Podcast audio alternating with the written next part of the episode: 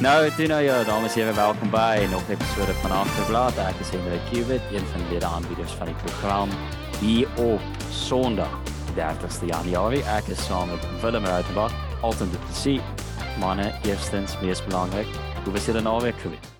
My senuwees is klaar na ons nou net die Australian Open Final gekyk het. Ek het letterlik op 'n punt gekom waar ek nie meer ehm um, het geselebreit het elke keer as Rafa 'n punt wen. Ek het net basies omtrent agter die bank weggekruip.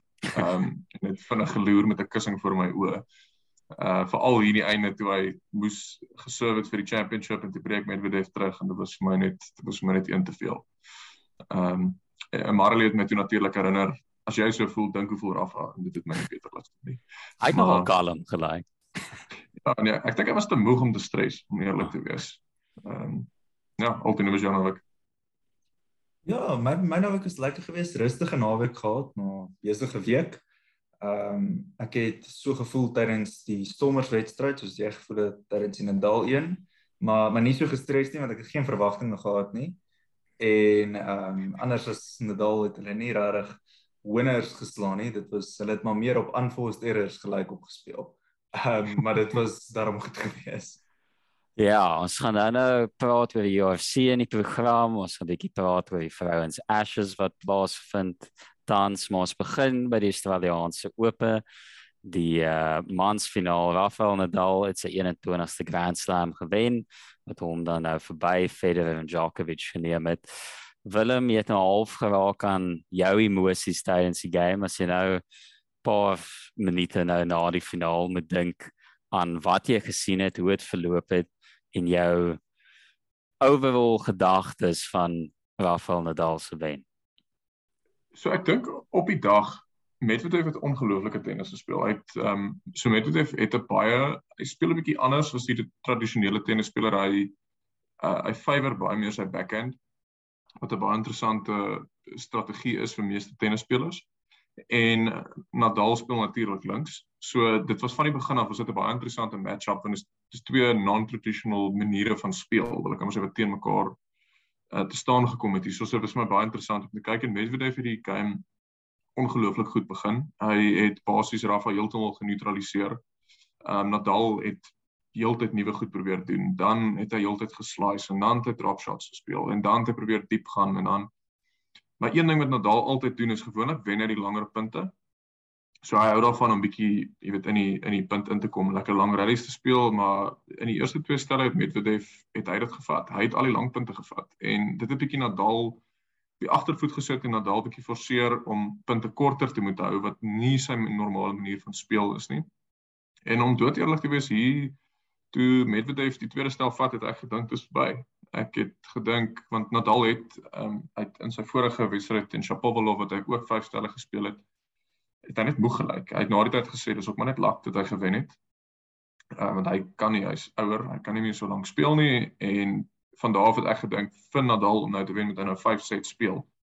En ek het nie gedink ek, ek gaan dit in hom hê nie, maar ek dink ons het ons het net die um die soos soos hulle sê grit and determination uh in pure willpower gesien van 'n van 'n van 'n sportman wat ek dink wat ons nie weer vinnig gaan sien nie. So dit was 'n ongelooflike comeback interessant genoeg Nadal het in 2007 laaste Grand Slam game gewen waar hy twee stelle af was en Medvedev het vir die eerste keer in 38 wedstryde op 'n hardcourt game verloor waar hy die eerste stel gewen het. So die odds was regtig stacked against Nadal en dit was net ja, dit was 'n ongelooflike ongelooflike wedstryd. Ja, ek moet beamoed wat Willem gesê het. Ek dink regtig dit was absoluut net grit van Nadal wat hom deurgetrek het. Medvedev is 'n ongelooflike speler op harde bane. Ek dink van sy 13 ATP titels wat hy gewen het, is 12 op harde bane gewees. Uh so so hy's regtig 'n kwaliteitsspeler op harde bane. Um ek dink wat Medvedev half gekos het is omdat hy so dominant was in die langer punte aan die begin, soos Willem gesê het, dink ek het hy te laat amper die switch geflip om die punte te probeer korter maak toe hy begin sukkel het fisies hy het nog steeds al probeer engage in lang rallies wat vir my gevoel het hy moes toe hy onmiddellik toe hy begin sukkel het meer probeer gaan het vir jy weet go for broke gaan vir jou op die lyn probeer die punte kort hou want hy het regtig begin sukkel fisies aan die einde waar jy kon sien die ouens emosioneel, hy's nog gefokus en hy's daar, maar fisies kon hy net nie meer byhou by Nadal wat ongelooflike grit en fiksheid en net ongelooflike kondisionering gewys het om op wat is 35 36 dit nog te kon doen is absoluut ongelooflik. Nou dis interessant want vir my as mens na Mansteiners kyk, besef mens nie eintlik die grootte van die top 3 ouens van hoe erg hulle eintlik die sport gedomeineer het nie. Um soos ek vroeër genoem het, hy nou homself bo Djokovic en Federer geplaas in terme van Grand Slam titels. Dink jy is iets wat hy realisties um nog op kan bou, dalk 'n kans kan staan as al die manne af van die baan af aftree. Um voor te loop. Ek weet dat dit half hier aan die einde gesels dat dalk nou 'n bietjie van 'n late career renaissance vir hom gaan wees. Um net wat jy maak van daai drie se kompetisie tussen mekaar Willem en hoe jy dalk dink ons oor 'n paar jaar se tyd sal terugkyk daarna en wie tussen die drie bo bo sal eindig. Ja, ek dink dit is 'n baie interessante wil ek amper sê vergelyking tussen hierdie drie se dominansie van die sport en amper 'n Ronaldo Messi debat. Alhoewel ek dink hierdie die tennis debat is bietjie minder nuanced as die Messi Ronaldo een, dit is makliker om te vergelyk. So net 'n bietjie konteks vir hoe hierdie ouens gedomeineer het. So van die 2003 Australian Open af het daai drie ouens 80% van alle Grand Slams gewen. Nou, dis amper 20 jaar met 4 slams 'n jaar. So dis amper 80 slams en hierdie ouens het 80% van daai slams gewen. Dit is heeltemal absurd. En van 2004 af tot hierdie jaar was daar nog net een jaar wat een van hulle drie nie as die voorste speler in die wêreld die jaar afgesluit het nie. En dan het ek ook nou die dag iets gelees dat ek dink in die vorige 71 Grand Slams in 70 van hulle was een van daai drie in ten minste in die semifinaal. En dis dis abs dis absurd. Dit is dis 'n absolute dominansie van 'n sport wat ek ek dink dit gaan terugkeer na 'n tipe van normaliteit waar Medvedev miskien 6 of 7 Grand Slams gaan wen teen die tyd wat hy aftree en Tsitsipas miskien 2 of 3 en ons gaan dit dit gaan amper weer raak soos wat vroue tennis vir lank was voor Serena Williams het teruggekom het waar dan wen hierdie een dit en dan is, wen die nommer 35 in die wêreld sommer 'n Grand Slam en dan ewe skielik vir die volgende 10 Grand Slams kan sy nie verby die 4de ronde kom nie. Dit dit is net dis unthinkable hoe hierdie ouens regtig die sport gedomeineer het. En uh dis my dis my baie hartseer om te sien hoe dit hoe dit nou so half bietjie na, na die einde toe staan. Maar ek dink wat regtig vir my uitstaan ook van hierdie ouens is hoe hulle die die groot punte kan speel. En dit het vandag weer deurgekom want uh, interessant genoeg het Medvedev meer punte gewen as Nadal vandag. Ek dink Nadal het soos 182 en ek dink Medvedev het 186, 187. En dis net iets wat al so konstant is oor die afgelope amper 20 jaar. Dat hierdie ouens net dis asof hulle daai ekstra level het wanneer dinge regtig moeilik raak. En ehm um, Ja, dit is interessant om te hoor wat julle manne dink van van die hele, jy weet, greatest of all time debate. Ehm um, ek het 'n paar uitgesproke opinies oor dit. Ehm um, Alton, hoe, hoe kyk jy na hulle rivalry? So vir my is Federer seker die beste uit die 3 vir die enkele rede dat hy 'n Suid-Afrikaanse maat en dis die choker tag moes oorkom om die om die slams te wen wat uh, ouens soos Nadal nie hoef te oorkom nie. Uh nee, nee maar in in, in al die eerlikheid, ek dink dis ek ek sou vir my sê dit is nie 3, so ek nie Nadal as die greatest sit nie. Bloot ek het voor die program ook gesê, hy laat my half dink aan die Indiese cricket span waar hy absoluut ongelooflik unbeatable in een tipe conditions of omstandigheid is waar ek dink hy 13 Franse ope gewen en dan op in die res van die kondisies is hy nog steeds baie goed maar hy's nie so dominerend soos wat hy in, in een tipe kondisie is. En dit is dat elke speler se sterkpunte het. Federer is soortgelyk op gras. Ehm um, en Djokovic is soortgelyk uh in Australië waar omtrent niemand op kan klop behalwe die owerhede nie.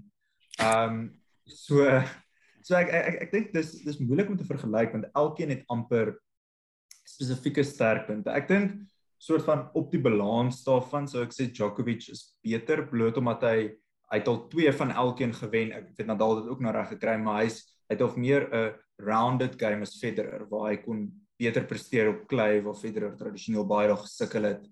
Ehm uh, maar ja, ek dink die die soort van final analysis sal eers daarvan kan gebeur as hulle almal eendag besluit om die rakette neer te sit.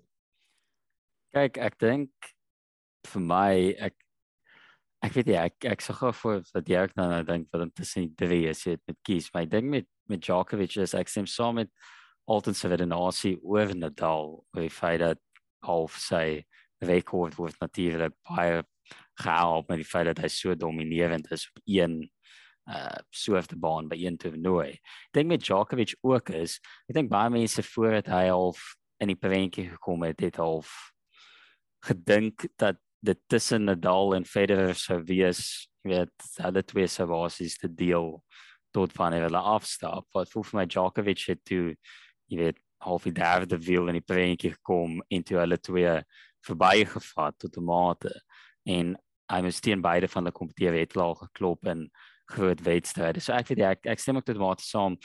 Die ding met tennis is die voordeel as 'n mens seker tipe debatable is wat wat jy ook nou genoem het as jy dit vergelyk met soos ander sporte is dis net jy op die baan. So dis nie ander faktore van buite af, jy weet die spanne rondom jou, al daai tipe dinge wat 'n rol speel nie. So jy het nou genoem jy het 'n paar uitgesproke menings op. As jy sou probeer narrow down na een, Willem, waar na wie sou jy gaan?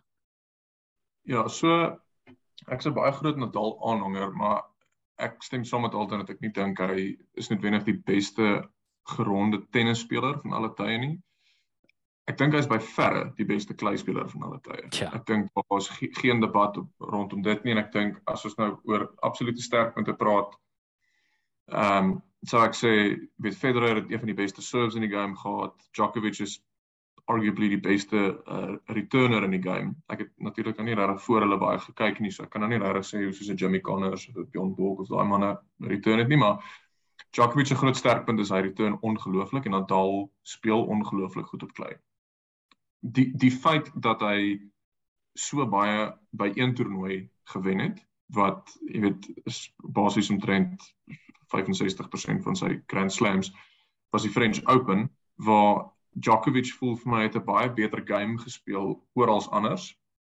En die enigste rede hoekom Djokovic nie so baie toernooie op klei gewen het nie, is omdat Nadal so baie toernooie op klei gewen het.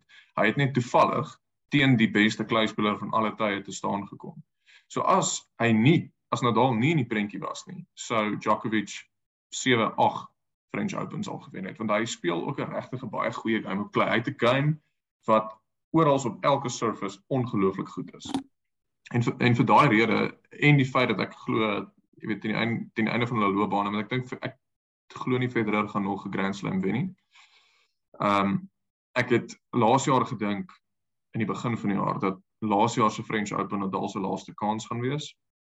En ek dink nou hierdie jaar se French Open steen teen Nadal se laaste kans en ek dink die enigste rede hoekom Nadal hierdie toernooi gewen het is omdat Djokovic nie kon speel nie. Ek dink Djokovic sou gewen het as hy was en Djokovic lyk nog nie asof hy regtig begin, jy weet, oor die kruin van sy van sy vorm kom nie. Dit voel vir my Nadal hou nog so 'n bietjie vas en hy het nog daai grit en daai daai mental strength, maar sy sy liggaam is besig om bietjie onder hom, jy weet, op te gee. Waar Djokovic net vir my lyk asof hy nog steeds 26 jaar oud is. So vir daai rede dink ek Djokovic gaan teen teen nog so 4 of 5, miskien 5 Grand Slams wen. En uh, ek dink so so ek dink my finale analise is ons kan nog nie nou sê nie net soos altyd gesê ons gaan teen die einde van hulle loopbane moet kyk en ek vermoed as ons oor 5 jaar terugkyk gaan dit nie 'n debat wees nie want ek dink Nadal gaan op 21 of 22 staan en Djokovic gaan op 25 of 26 staan. En so ja, as much as it pains me to say it, uh dink ek nie Nadal is die is die goat nie, maar definitief die die clay goat. So ja, dit is interessant om te sien waar dit eindig op die einde van die dag van 'n al drie loop. En soos jy sê, ek dink 'n mens sal terugkyk en besef hoe erg hulle die sport gedomineer het. Dit is altyd vir my snaaks as 'n sulke tipe tydperk is wat gebeur met die ander spelers wat in daai tydperk was as dit nie was vir hulle nie. Wat se ander ouens sou dalk 'n Grand Slam gehad het in daai tyd. En dit laat my dink dink julle die drie spelers se dominansie van tennis is die beste voorbeeld of die grootste voorbeeld wat ons al gesien het van 'n speler, 'n span wat net 'n tydperk van sport so domineer wat so ver en so ver bo die res van hulle kompetisie was as wat die drie ouens is teenoor die res van iemand tennisspelers. So enige ander voorbeelde wat jy half kan dink aan vir 'n groep of 'n speler hulle self so ver bo die res geplaas het vir so 'n lang tyd. So ek dink daar daar is voorbeelde van van ander sportmense of sportspanne of sportvroue wat wat 'n sport ook jy weet vir 'n vir 'n tyd gedomeineer het die rede hoekom ek dink en wel ek kan 'n voorbeelde dink soos byvoorbeeld sommer die All Blacks ehm um, basies eh, net voor die 2019 wêreldbeker sommer vir omtrent 10 jaar. Ehm um, jy weet hulle was elke jaar twee wêreldbekers in 'n ry gewen, omtrent niemand kon hulle wen nie. Hulle het oral waar hulle gegaan het, het hulle gedomeineer. Ehm um, mens kan aan Hamilton dink vir so 4 of 5 jaar na die afgelope paar jaar of um, nee, vir die video. Natuurlik. Ja, natuurlik. Ja, ja. Ek kan nie glo dat Hamilton genoem nie vir ja. vir Big Shoe nie. Ehm um, maar so die die rede hoekom ek dink dis die beste voorbeeld is die wil ek amper sê die tipe hoe die sport opgeset is. So dis dis moeilik vir byvoorbeeld die All Blacks om daai titels met te vat want hulle het nie met elke liewe wedstryd of elke liewe keer wat hulle gekompeteer het teen almal in die wêreld gekompeteer nie. Hulle het basies meerendeels teen Suid-Afrika en Australië gekompeteer en jy kan nou byvoorbeeld sê ja, maar dit was dalk die twee beste spanne, so as jy hulle kon wen, kan jy nou aanneem hulle sou die res gewen het. Maar wat tennis spesiaal maak is jy moet elke liewe toernooi waar jy speel, kompeteer jy teen almal. En jy gaan nie nou wen teen almal speel nie, maar jy moet teen almal speel wat die res gewen het. Jy weet elke ou teen wie jy speel, het sover elke ou gewen teen wie hy gespeel het. So vir jou om die toernooi te wen, moes jy elke persoon gewen het wat al die ander mense gewen het. En omdat die sport op so 'n manier opgeset is en dit so 'n 'n absolute toets is hoe jy vir so lank tydperk moet goed kan funksioneer en soos op jou topvlak presteer. Dink ek dit is. Ehm um, veral omdat dit ook so direkte kompetisie is tussen tussen basies jy en die res en dis net jy. En ek dink net die nommers is belaglik. Jy weet die nommers wat ek vroeër ook genoem het is ek dink nie ons gaan weer so iets sien. Ek dink Serena Williams staan 'n kans om jy weet sy sal ook definitief moet in daai gesprek inkom. Sy het ook al meer as 20 Grand Slams gewen. Maar wat dit vir my ook spesiaal maak is hoe hulle dit oor 'n hele era gedomineer het. Dis nie net van die ouderdom van 26 tot 30 nie. Hulle het gedomineer van die ouderdom van hulle begin speel het. Rafa se eerste ehm um, French Open gewen op die ouderdom van 19. Hy het nou sy laaste so jy weet most recent Grand Slam gewen op die ouderdom van 35. So het vir vir 'n hele era het hierdie ouens gedomineer en ek kan nie aan veel ander voorbeelde dink wat wat so dominant was nie. Ding is net altyd voor die en gaan. Ek dink wat ook vir jou argument vir tennis help is baie ander sporte het nie die ding waar as jy 'n game verloor by 'n Grand Slam, jy's uit. Dis permanente knockout die hele tyd. So vir jy dalk in 'n toernooi groepfase het en dan 'n knockout kom. Tennis is permanent. Jy weet, jy kan one and done wees as jy verloor is jy uit. So dit tel ook natuurlik in hulle guns. Alton? Ja, ek dink ek moet sê een faktor wat ek dink vir tennis help of of wat dit makliker maak om dominant te wees, maklik in aanhalingstekens, is dat dit 'n individuele sport is. So met ander woorde, as hmm. jy 'n uitstaande speler is, dan is dit maklik om daai um outstandingness te te vat en ander mense te oorheers. So as jy dink iemand soos Don Bradman wat 'n gemiddeld van 1 en 'n half keer meer gehad het as enigiemand anders wat nog ooit die sport gespeel het. As dit nie was dat hy 'n spansport was nie, as hy alleen gekompeteer het teen die ander mense, dink ek sou mens dieselfde tipe dominansie kon gesien het. En ek dink dit is soortgelyk met met golf, soos Tiger Woods was, hy kon so domineer want okay, een hy was op natuurlike uitstaande golfspeler, maar omdat dit so opgestel is dat dit 'n individuele sport is, as jy so uitstaande is, dan is dit relatief makliker om uit te troon. Waar in spansporte dan Bradman het nie 'n besonder goeie Australiese span gehad nie. Selfs met Sachin Tendulkar en sy Indiese span, ehm um, rugby spelers, jy's jy's jy afhanklik van ander mense.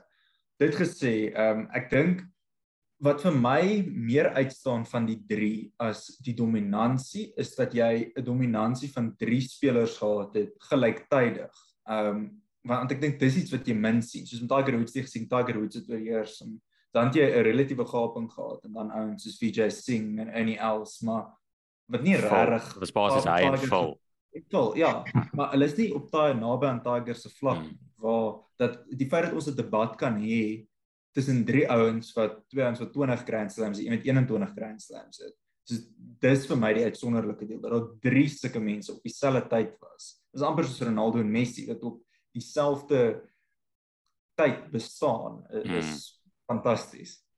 Ek dink ook wat wat ek wil beamoen en jy maak 'n baie goeie punt dat tennis eintlik as jy 'n baie goeie speler is in die sport, dan is tennis 'n great sport om in te domineer want byvoorbeeld as jy in F1 of golf dink, jy hoef nie net die een ou te wen nie. Jy kompeteer op dieselfde tyd teen almal.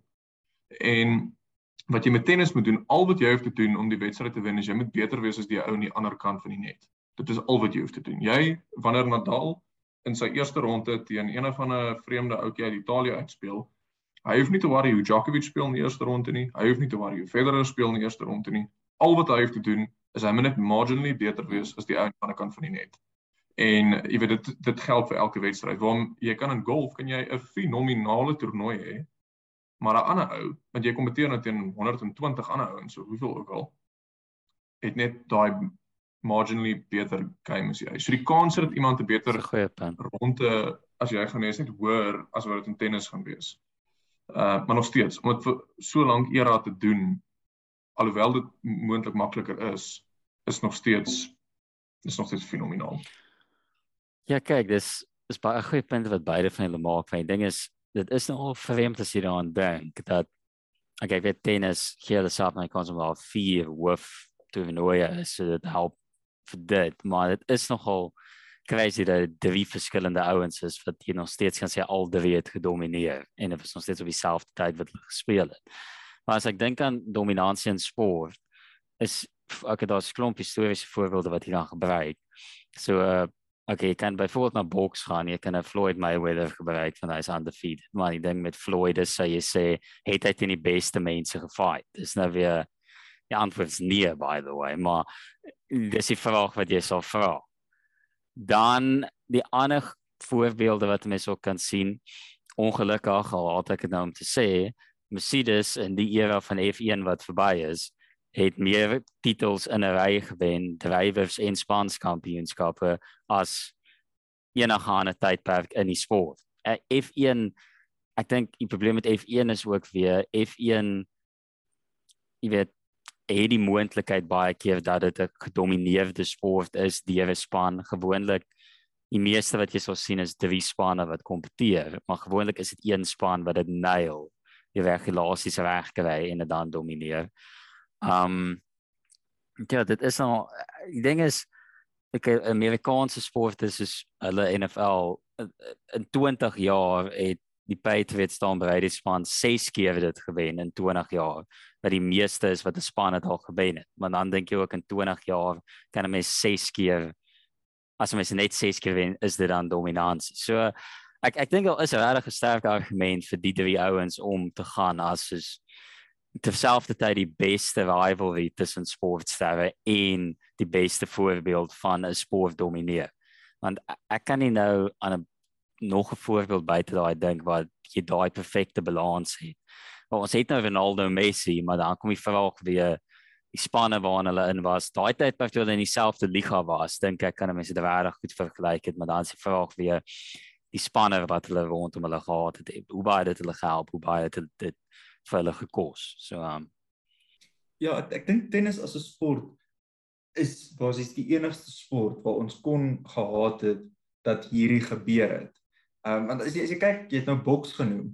In boks is dit nie moontlik vir iemand om dominant te wees en terselfdertyd regtig dat daar kompetisie soos hierdie kan wees nie. Want vir jou om dominant hmm. te wees, moet jy die kampioen wees. Daar kan nie gelyktydig ander kampioene wees nie en vir, vir alle boks deesdae is as jy 1 of 2 of 3 losses op jou rekord het, dan word jy ewe skielik nie meer relevant nie. Dis nie meer soos 30, 40 jaar gelede waar dit al gegaan het, het dit nie die beste geveg nie. Mense deesdae probeer baie die rekords beskerm soos Floyd wat teen die goeie ouens fight terwyl hulle 19 is of eers as hulle 41 is. Ja. Ehm um, of dit is gevalle waar 'n ou nie op pad gee om beter fights te maak nie, maar ja, dis dis ook 'n probleem. ja, maar maar ek dink so ek dink tennis as 'n sport leen dit self tot tot hierdie tipe um dominance in rivalries op dieselfde tyd. Um wat fantasties is want ons kon dit nou aanskou en dit maak dit nie minder amazing nie. Dis net dit is ek dink dit is die een sport waar 'n mens regtig so tipe rivalry kan hê soos wat Agassi en Sampras ook was. Ehm um, waar ek dink dit is moeilik om dit in ander sporte te sien. Jy kan miskien sê Ali Foreman, Fraser en Boks, maar dit was nie oor so lank tydperk ehm um, soos hierdie gewees nie. Ja. Nou ons sien hoe dit nou uitwerk in hy volgende Grand Slam wen en waar ons staan, sekerlik maar oor 'n jaar se tyd sal die prentjie ook weer eendag verander. Ons het ook oor die naweek en laas naweek weer plaaslike rugby gesien met die UFC wat terug op ons televisies gekom het. Plaaslike spanne met die sp hulle Springbok spelers by. Die naweek Stormers Sharks gelyk opgespeel 22 elk.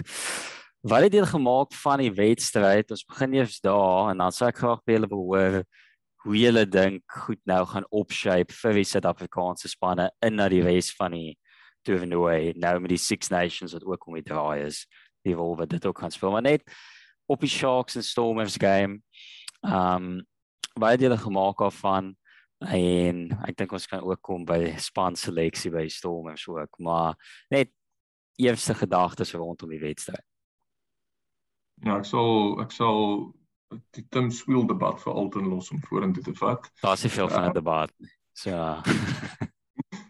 Ja, nee, so ehm um, en so met die Stormers game in terme van span seleksie was ek weer eens baie teleurgesteld dat waar ek geland nie begin het nie. Ons het uh, ons het oor vroeër vroeër week ook gesels oor hoe Dobson letterlik gesê het dat waar ek geland jy weet baie goed is en moet speel, maar ook dat hy hom nie gaan speel nie. Dit is so van jy weet ek nie eintlik lekker wat jy sê nie. Ek weet ook nie of jy weet wat jy sê nie. Ek dink jy dit beïnvloed by the way. Ek gaan dit nou al klein maak. Ek dink jy fluister en John Dobson so want jy weet jou boy is klaar as Warwick geland aan met die vorm wat hy het. Dat die fullback posisie ja. by Bokke dalk in gevaar sal wees vir jou uh, gunsteling nommer 5. Ja, nee, kyk, dit ehm um, jy jy is heeltemal reg. Ek wil nie hê kompetisie daar vir die Springbokke vir Willie moet wees nie. Ehm um, so wat vir my vreemd was, punt nommer 1 is dat hy nie met Warwick begin het nie. En toe punt nommer 2, toe Rikus seer gekry het in die warm-up. Ek verstaan Dan Du Plessis is 'n center en dis meer 'n like for like swap. Maar dit gaan my te bowe. Hoekom jy nie dan vir Willemse op 12 sal speel en dan vir geland op 15 sou speel nie. Flip speel sommer vir geland op 12 vir al wat ek omgee. Hy eintlik moenie dit doen nie, speel vir geland op 15. Maar hy's 'n absolute game changer. Hy weer eens het hy opgekom en die wedstryd vir die Stormers basies vanuit niks uit het hy Willems se 3 gemaak. Willems het baie goed gedoen om die 3 te druk. Ek moet dit vir hom gun. Maar weer eens het geland, basies sy man getrek, bietjie geshift, die ander man ook ingetrek en toe op die perfekte tyd vir vir ehm um, vir vir Willem se release in die spasie in. So die span seleksie, ehm um, Alton ek sal graag hoor wat jy dink van die span seleksie. Dit was my baffling voor voor ons selfs oor die wedstryd gesels. Ehm um, en ek dink die stommers het dit het ja. Ons kan nou oor die ander elemente gesels, maar Alton was jy teleurgesteld toe Tim speel nie nie die nommer 10 dra nie. Ek is elke dag teleurgesteld dat Pieter Grant nie die nommer 10 trou dra nie.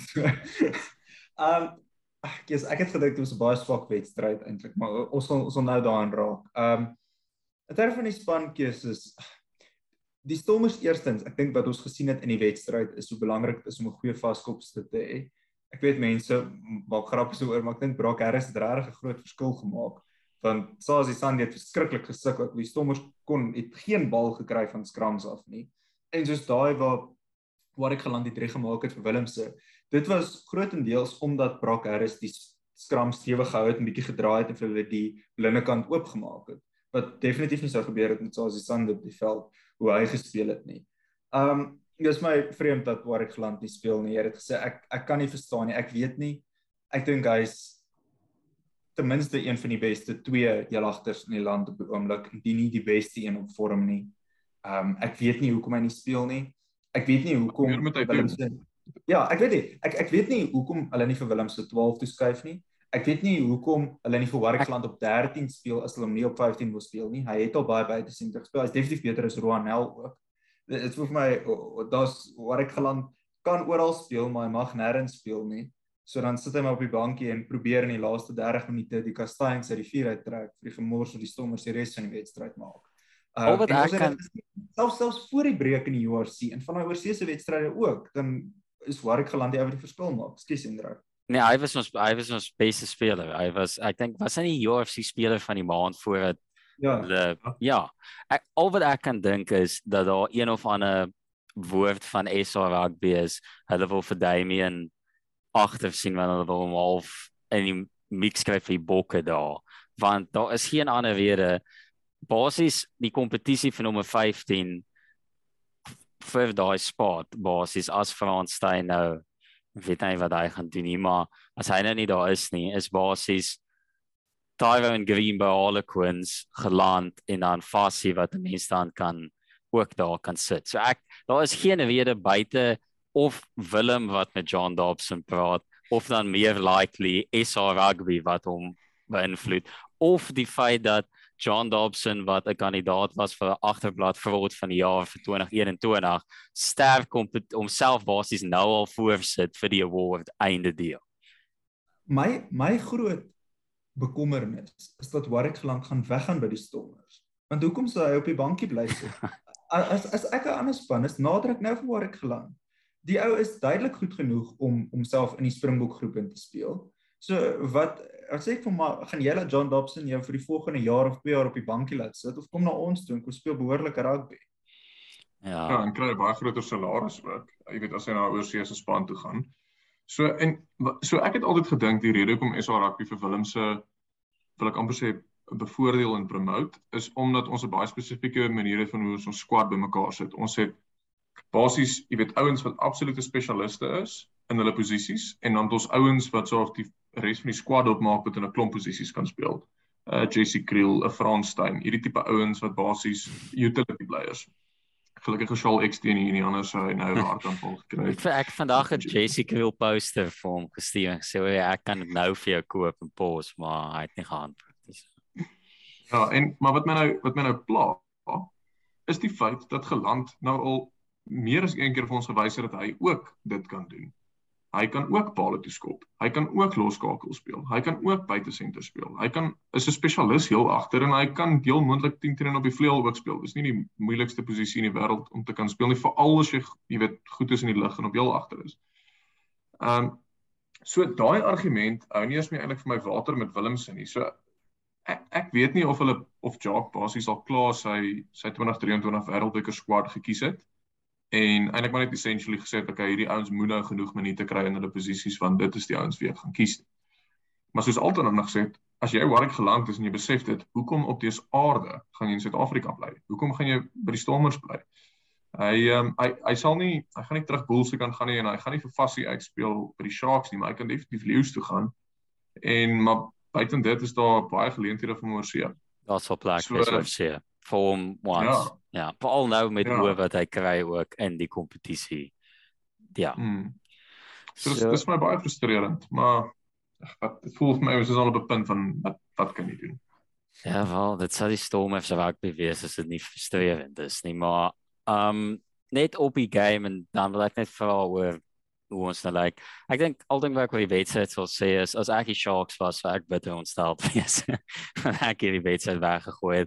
Ek ek wil nou raak aan hulle oor basies die SA span met die beste kanse om dalk te kwalifiseer vir 'n knockout fase, maar meer realisties vir die Champions Cup. Maar wat het julle gemaak van die Stormers wat teruggekom het en meer die foute wat die Sharks gemaak het, veral met die feit dat hulle twee penalty tries afgestaan het. Op basis vir die game gekos. Ja, die Stormers se uh, Harry Houdini act gaan een of ander tyd jy weet gaan ons gaan ons lak uithardloop ongelukkig.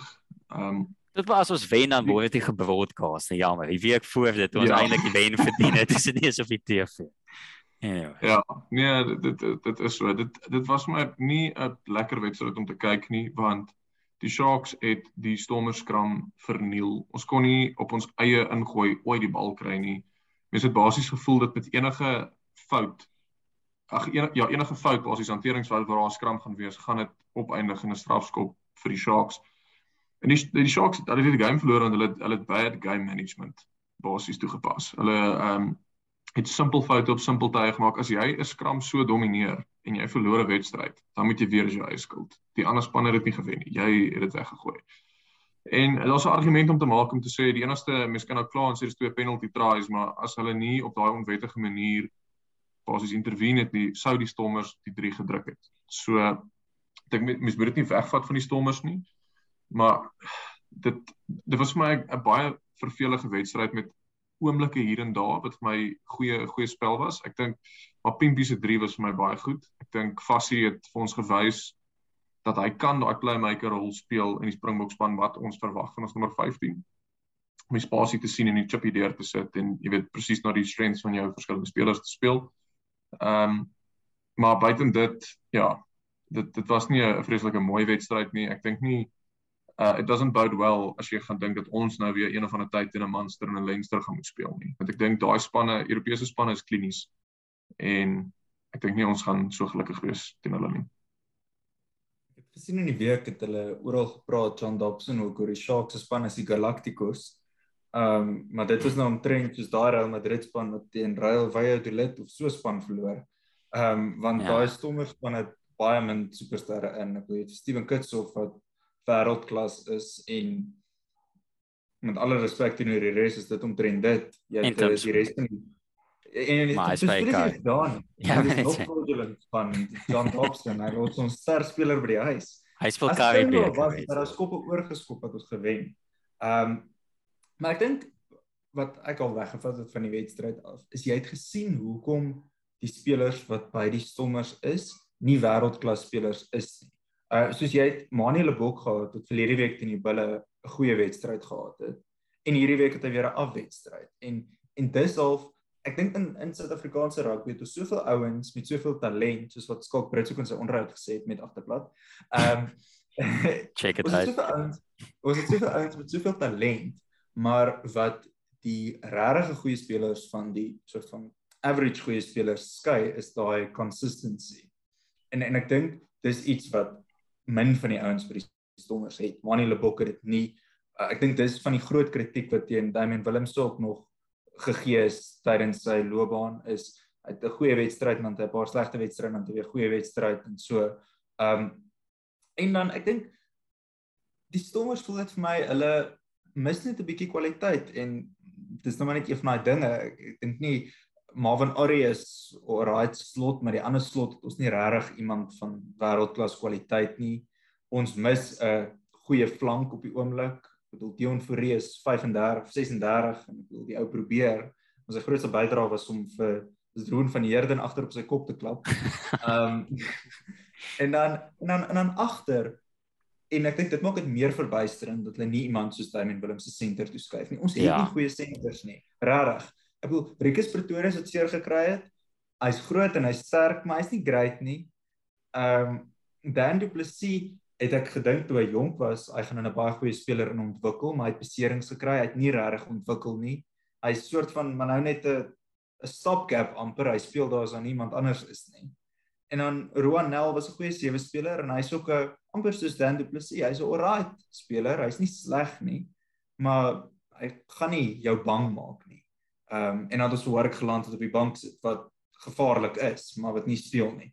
Ehm um, so ek dink die Sharks het baie teleurgestel. Dit is die sommers te goed gespeel hier en die Sharks het daai wedstryd weggegooi, regtig.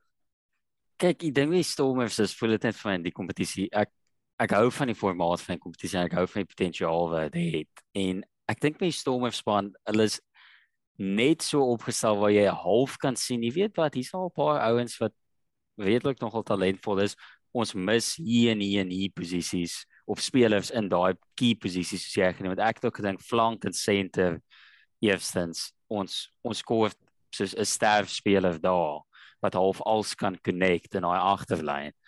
En ek weet nie of die bestuur daarvan eers gaan goed wees nie want die een van die min sterf spelers wat ons het sit ons op die bankie. So dan ek kan wag vir Kate Boliter om terug te kom en af te sak op stit wanneer hy terugkom of wat ook al ons gaan doen met hom nie. Net op die kompetisie dan, ek as hy bulle het gemaklik gewen in die news en as ons kyk in na nou gaan ons weer begin teen die Europese spanne hier speel en ons gaan nou die voordeel hê dat die Six Nations aan die gang is en baie van die spanne gaan key spelers verloor. As die Sharks nie die span is, dis hoe ek voel, stem julle saam met my. As die Sharks nie die span is wat die Champions Cup plek kry, so daar's ten minste een SA span wat volgende jaar Champions Cup rugby gaan speel. As hulle nie die span is nie, dink ek is dit wel dan is die fraud van die jaar award klaar gesink vir agterblad vir die hele Sharks organisation want hulle span moet dink ek moet kan kwalifiseer vir die volgende fase van die kompetisie, nie net vir die Champions Cup kwalifiseer. Dink julle op die ou einde gaan dit hulle wees? Hulle sit met die SA rugby speler van die jaar, die jong speler van die jaar in die span, meeste Springbokke. Dink julle dit gaan hulle wees of dink jy een van die ander drie gaan dalk uh dit nader maak as wat mense dink dit gaan wees? Ek ek dink is tussen die Sharks en die Bulls om eerlik te wees. Ek dink nie die die Lions of die Stormers is um consistent genoeg nie of goed genoeg nie om dood eerlik te wees. So dit ek sou dit sê as Sharks is my eerste keuse en die Bulls my tweede keuse bloot omdat die Sharks sit met goeie spelers wil ek amper sê in al die verskillende fasette van die game. Hulle sit met 'n springbok vooruit met Thomas de Toey, Bongi Mnambi en Oxenche. Ox het 'n ongelooflike wedstryd gehad. Hy het ons skram. Dit was my baie interessant om te sien elke keer as ons 'n skram penalty afstaan hoe Kitshof basies so jy weet sonder antwoorde want hy het nie sleg gedoen nie, maar die skram het aan die ander kant ehm um, jy weet by ons vaskop het, het dit basies alles verkeerd gegaan. En hoe teleurgesteld Kitshof gelyk het elke liewe keer.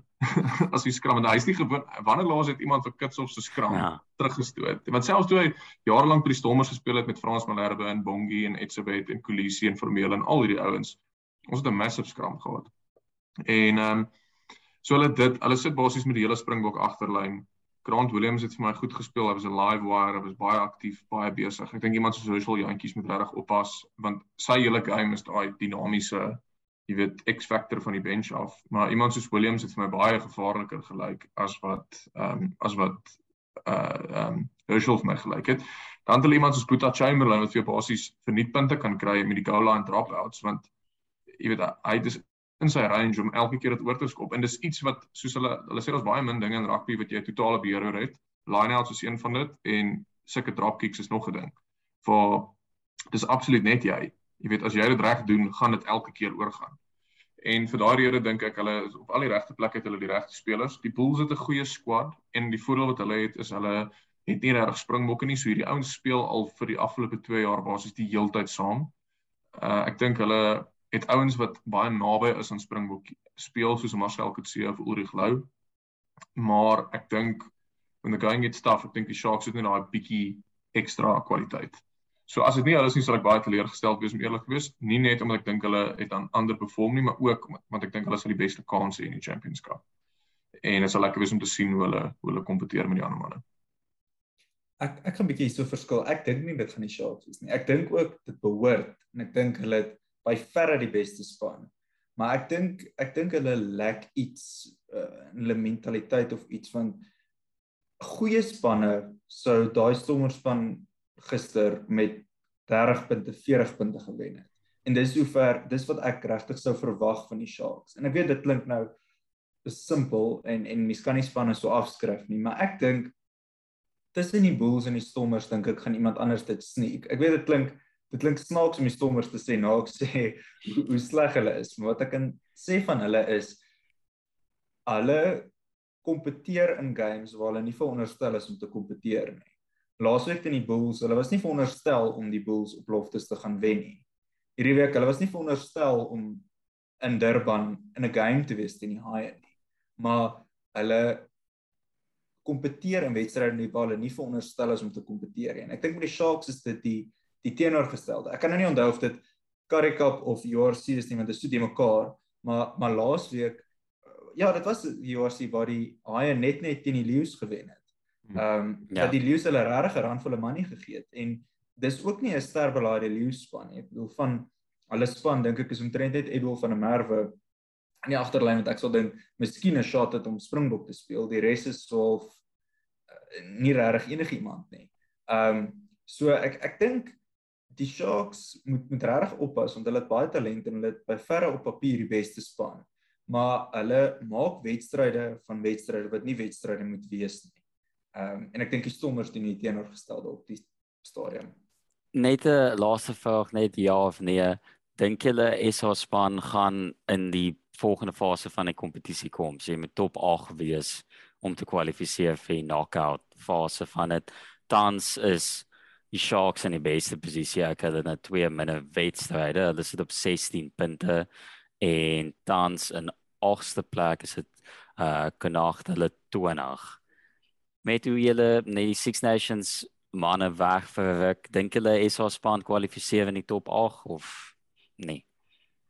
Ek dink so. Ek dink die Sharks te kans, maar ek dink wat dit wel moeilik maak is dit is amper die beste gewees op die Suid-Afrikaanse rugby is die Sharks al die SA spanne kon gewen het. Dit was net so of daar net een het wat daar inkom en dan kan een van die ander self the best of the rest kan dan probeer om soos jy weet unlikely wenne af te pool teen van die Europese spanne. Ehm um, maar ek dink met die ek ek dink eerlik word die, die Sharks van die Stormers met 'n bonuspunt wen komende naweek op Nieuweland, wel die nuwe Nieuweland, Nieuwerland. Ehm um, so ehm um, ja, ek dink op die einde van die dag sal hulle kwalifiseer. Ek dink daar's genoeg kwaliteit en ek verstaan hulle het nou nie noodwendig so goed gespeel die afgelope twee wedstryde nie. Ek dink wel ook daar's 'n paar nuwe ouens soos Kolisi en Bongi jy weet ek dink hulle moet nog hulle voete vind en wanneer hulle doen, hulle is finom, hulle is van die beste spelers in die wêreld. So ek dink as hulle regtig bietjie ook leierskap na vore bring en bietjie vir die ouens ook sê luister die guys, ons kan nie so aanhou speel nie. Dink ek gaan hulle op die ouene dit eer. En die, en ek dink dalk soos altyd nog sê, die Stormers en die Bulls het dalk 'n kans. Maar ek dink nie die Leeu's, ek dink nie die Leeu's het 'n kans om eerlik te wees. Ja, kyk wel, daar's net een man. Ek hoop weer oproep kry na die week, die baas van die nuwe nuwe land. Ons boy T Swell. Hoopelik kom hy daar vryheid maak 'n verskyning. Dalk weet hy die span. 'n Span wat uh mense wat ook redding kort wat ons gewoonlik vir lage Engelse cricket span. Nou die vrouens uh span is tans aan die gang en die vroue reeks op die as of die washes um baie beter kompetisie tussen die twee spanne. So my eerste vraag wat ek wil vra daar is so Engeland se Heather Knight sê 168 nie uit gekry in die een toets wat in die reeks is alten jy kan ook nou die formaat net presies verduidelik. Sy het 168 dae gekry. So my eerste vraag is sal dit 'n beter idee wees om haar na die manspan te vat om hulle beter te maak saam met Joe Root of eerder Joe Root na die damespan te vat en laat hulle daar domineer want ek dink dis al kans wat hulle staan om daar iets te wen. Ja, ek ek ek dink die manspan is verby redding want ek dink hulle het net een goeie speler waar okay, hulle het een goeie speler en vir James Anderson wat 103 jaar oud is. Ehm um, maar die vrouspan dit was regtig 'n baie goeie toets geweest vir hmm. die mense wat dit gemis het. Jy het iets gemis. Ehm um, dis ongelukkig dat vroue cricket net 4 dae toetse is want hierdie toets was amper in die wiele gery toe dit bietjie gereën het gister. Ehm um, maar Australië het ek moet sê dit regtig 'n wedstryd gemaak waar Australië dit nie regtig behoefte gedoen het nie. Ehm um, want omdat Australië tans die Ashes hou by die vroue en hoe die reeks opgestel is, dis 'n toets en dan 3 eendag wedstryde. Ehm um, moet Engeland nou al 3 eendag wedstryde wen vir hulle om die Ashes terug te neem. Ehm um, hulle het die hele puntestelsel wat redelik 20 wedstryde ook. Is dit nie ja, ook, ja, ja, Ja, hulle het so 'n hele puntestelsel tussen die hmm. verskillende formate wat swaarder. Ek like dit nog. Ja, ek ek dink dit is interessant. Ehm um, maar in elk geval die die toets was Australië het regtig 'n wedstryd van dit gemaak vandag. Hulle het dink op 216 of so iets het hulle verklaar ehm um, en vir Engeland 'n bereikbare teiken van 260 gestel wat die hoogste chase ooit sou gewees het in vroue cricket, maar dit was nog steeds doenbaar geweest. En dit het dit net opgeset vir 'n fantastiese wedstryd. Engeland het dit bietjie weggegooi op die ou end, moet ek sê. Hulle het 45 lopies gekort met 7 paaltjies oor. Toe begin paaltjies verloor tot op die punt waar hulle 17 gekort het van die laaste 3 balbeurte met 2 paaltjies oor. Uh 3 paaltjies oor, skus. Toe was daar 'n uh, run out van 'n uh, een speler en toe die bal daarna probeer uh die nommer 9 kolwer 'n veeg hou vir vier slaan top edge reg het in die lug op en hulle vang hom uit. Toe kort hulle Engeland 12 van die laaste balbeurt met een paltjie oor en toe blok hulle dit net uit en toe eindig dit iets onbeslis. So dit was 'n uitstekende advertensie vir vroue cricket. Ehm um, ek dink regtig vir me, vir ons luisteraars wat nog nie vroue cricket gekyk het nie, dis die moeite werd om te kyk. Die die vaardigheidsvlak is hoog. Ehm um, en om te begin speel Suid-Afrika se vroue span op die oomblik 'n reeks teen Wes-Indië se vroue span. So mense kan dit ook gaan na dit gaan loer. Ek moet sê die wat my wel bietjie pla is daai wat jy nou genoem het dat Australië dit 'n game gemaak het hoe hulle nie hoef nie. Herinner my baie aan 'n voormalige Protea kaptein eh die ene Hansie Kronee ja. wat dit ook gedoen het op 'n kol uh ongelukkig. Nee, los hom maar net. Hoopelik was dit nie. Dit was ja al gesê op die foto. Ai ai ai. Ja, ja. weet jy met die storie van Brendan Taylor, weet ek nie of daar dalk hier kokaine betrokke was by ja. die seker nee. Wel, ek sal sê met dit ek hou van die formaat van ek ek sien obviously nou nie die Ashes iemand sien so maak om dit na die hele tyd sê, maar ek dink vir 'n bilateral series tussen spanne, so puntestelsel om so tussen die drie formate ek dink dis nogal cool. Ek dink dis 'n baie goeie idee waarna hulle kan kyk om by mans cricket op toe te pas. Um ek weet dan met die toetse week sit hulle dit baie. Jy wil net te veel kompetisie en punte lewe en goed hê nie met die toetskampioenskap wat daar is, maar ek dink dit is nogal 'n goeie formaat toe te pas. En ek stem saam met dit. Ek het nou vandag gekyk die einde van dit en dit was top klas. Enige tyd wanneer die hele span rondom die kolwe staan in hy laaste oor dan weet jy dis goeie cricket. Ja, dit is die ehm, onder 11 B span. As jy teen 'n ander span speel waar jy is sterker van is, dan kom almal in. Nog 'n voorbeeld van 'n uitstekende formaat is natuurlik agterblad se Telbo. Dit is natuurlik waar ons paneel teen mekaar kompeteer om die vraag wat ek aan hulle stel in 30 sekondes te beantwoord, waar ek dan punte te ken aan die beste antwoord. So, vraag vandag. Hulle met voor gepraat oor hoe groot comeback dit was deur af van Nadal vandag en hoe improbable dit vir hom gelyk het. Dit het my bietjie laat dink aan wat is die beste sport comeback wat jy al gesien het of as jy dan wil kompeteer met vandag se voorbeeld, was vandag se comeback deur Nadal die beste sport comeback wat jy al gesien het. Alten, gaan jy vir ons begin 30 sekondes op die klok. So die beste comeback wat ek al gesien het is een wat vir Luis Suarez laat huil het. Um, en dit is altyd dan 'n goeie comeback in my oë. En dit was natuurlik die bekende Christian Bull toe Liverpool 3-0 voor was teen Crystal Palace op Selhurst Park en Crystal Palace teruggekom het danksy 'n uh, long range strike van Damien Delaney en Dwight yes. Gale wat vir 10 minute gelyk het asof hy Lionel Messi is. So ja, dit is my keuse want dit het Liverpool laat huil en dit het my gelukkig gemaak en dis 'n wen vir my. Altyd 'n goeie kombinasie. Dis skryf jy Dwight Gale se hele loopbaan af van daai een game gemaak het. Okay, Willem. Ja, so Alton se voorbeeld was 'n baie goeie voorbeeld van 'n improbable comeback. Ek het drie voorbeelde van impossible comebacks. Dit is natuurlik Shane Warne, Joe Callis en Zirdan Shakiri se haarlyne. Oh, wow. Ek het al ooit 'n beter comeback in my lewe gesien nie. En ehm um, maar ja, van 'n van 'n sporting perspektief af dink ek vandag se se wedstryd was natuurlik vir my baie goeie seker die beste comeback wat ek al gesien het. Wel, kyk, ek het net daai en verwag. Ek sal daai en vir jou gee. Ek dink jy het sopas al 'n comeback gemaak om die punte te steel vandag. Ek het gedink toe ek net probeer dink aan voorbeelde. Um wel uit die Arsenal oogpunt dink ek aan daai Newcastle Arsenal game klompie af terug wat 4-4 geëindig het en ook die Tyson Fury sy overall comeback in na die die Ante Wilder fight en in die fight self by bosses Undertaker van WWE stand-up gedoen het in die ring teruggekom het en nog steeds eintlik daai fight gewen het alhoewel dit gelyk op was. Um maar ja, ek moet sê Willem se se kandidaat is dalk een wat hoop en inspirasie gee vir baie mans daar buite. So dalk is dit 'n goeie voorbeeld om te vat. Ja, ek dink al wat 'n groter comeback kan wees is as Tyson Fury se stem teruggaan na normaal toe in plaas van die Kaas Rasper stem wat hy op die oomblik het. Wel dalk kan hy self die ouens sien as Chalk en Shane en al daai mense so. Ons sal dit forward nou om. Okay, Willem baie goeie kandidaat daar. Uh dit bring ons dan nou na agterbladsy sal van hoe ons hoek van helde en ons held van die week. So ouens, wie het vir julle die week uitgestaan? As julle held van die week, ek kan klaar dink dalk wie Willem se kandidaat gaan wees. Maar ja. Willem, wie het ons begin? Ja, ek ek kan nie verder kyk as as uh, Rafael Nadal nie. Ek dink dit was 'n ongelooflike wen. Dit was dit was die die toppunt van die sport. Uh dit was die rede hoekom ek so baie daarvan hou na tennis te kyk want elke liewe punt is basies 'n klein geveg op sy eie. En ek het dit ongelooflik baie geniet.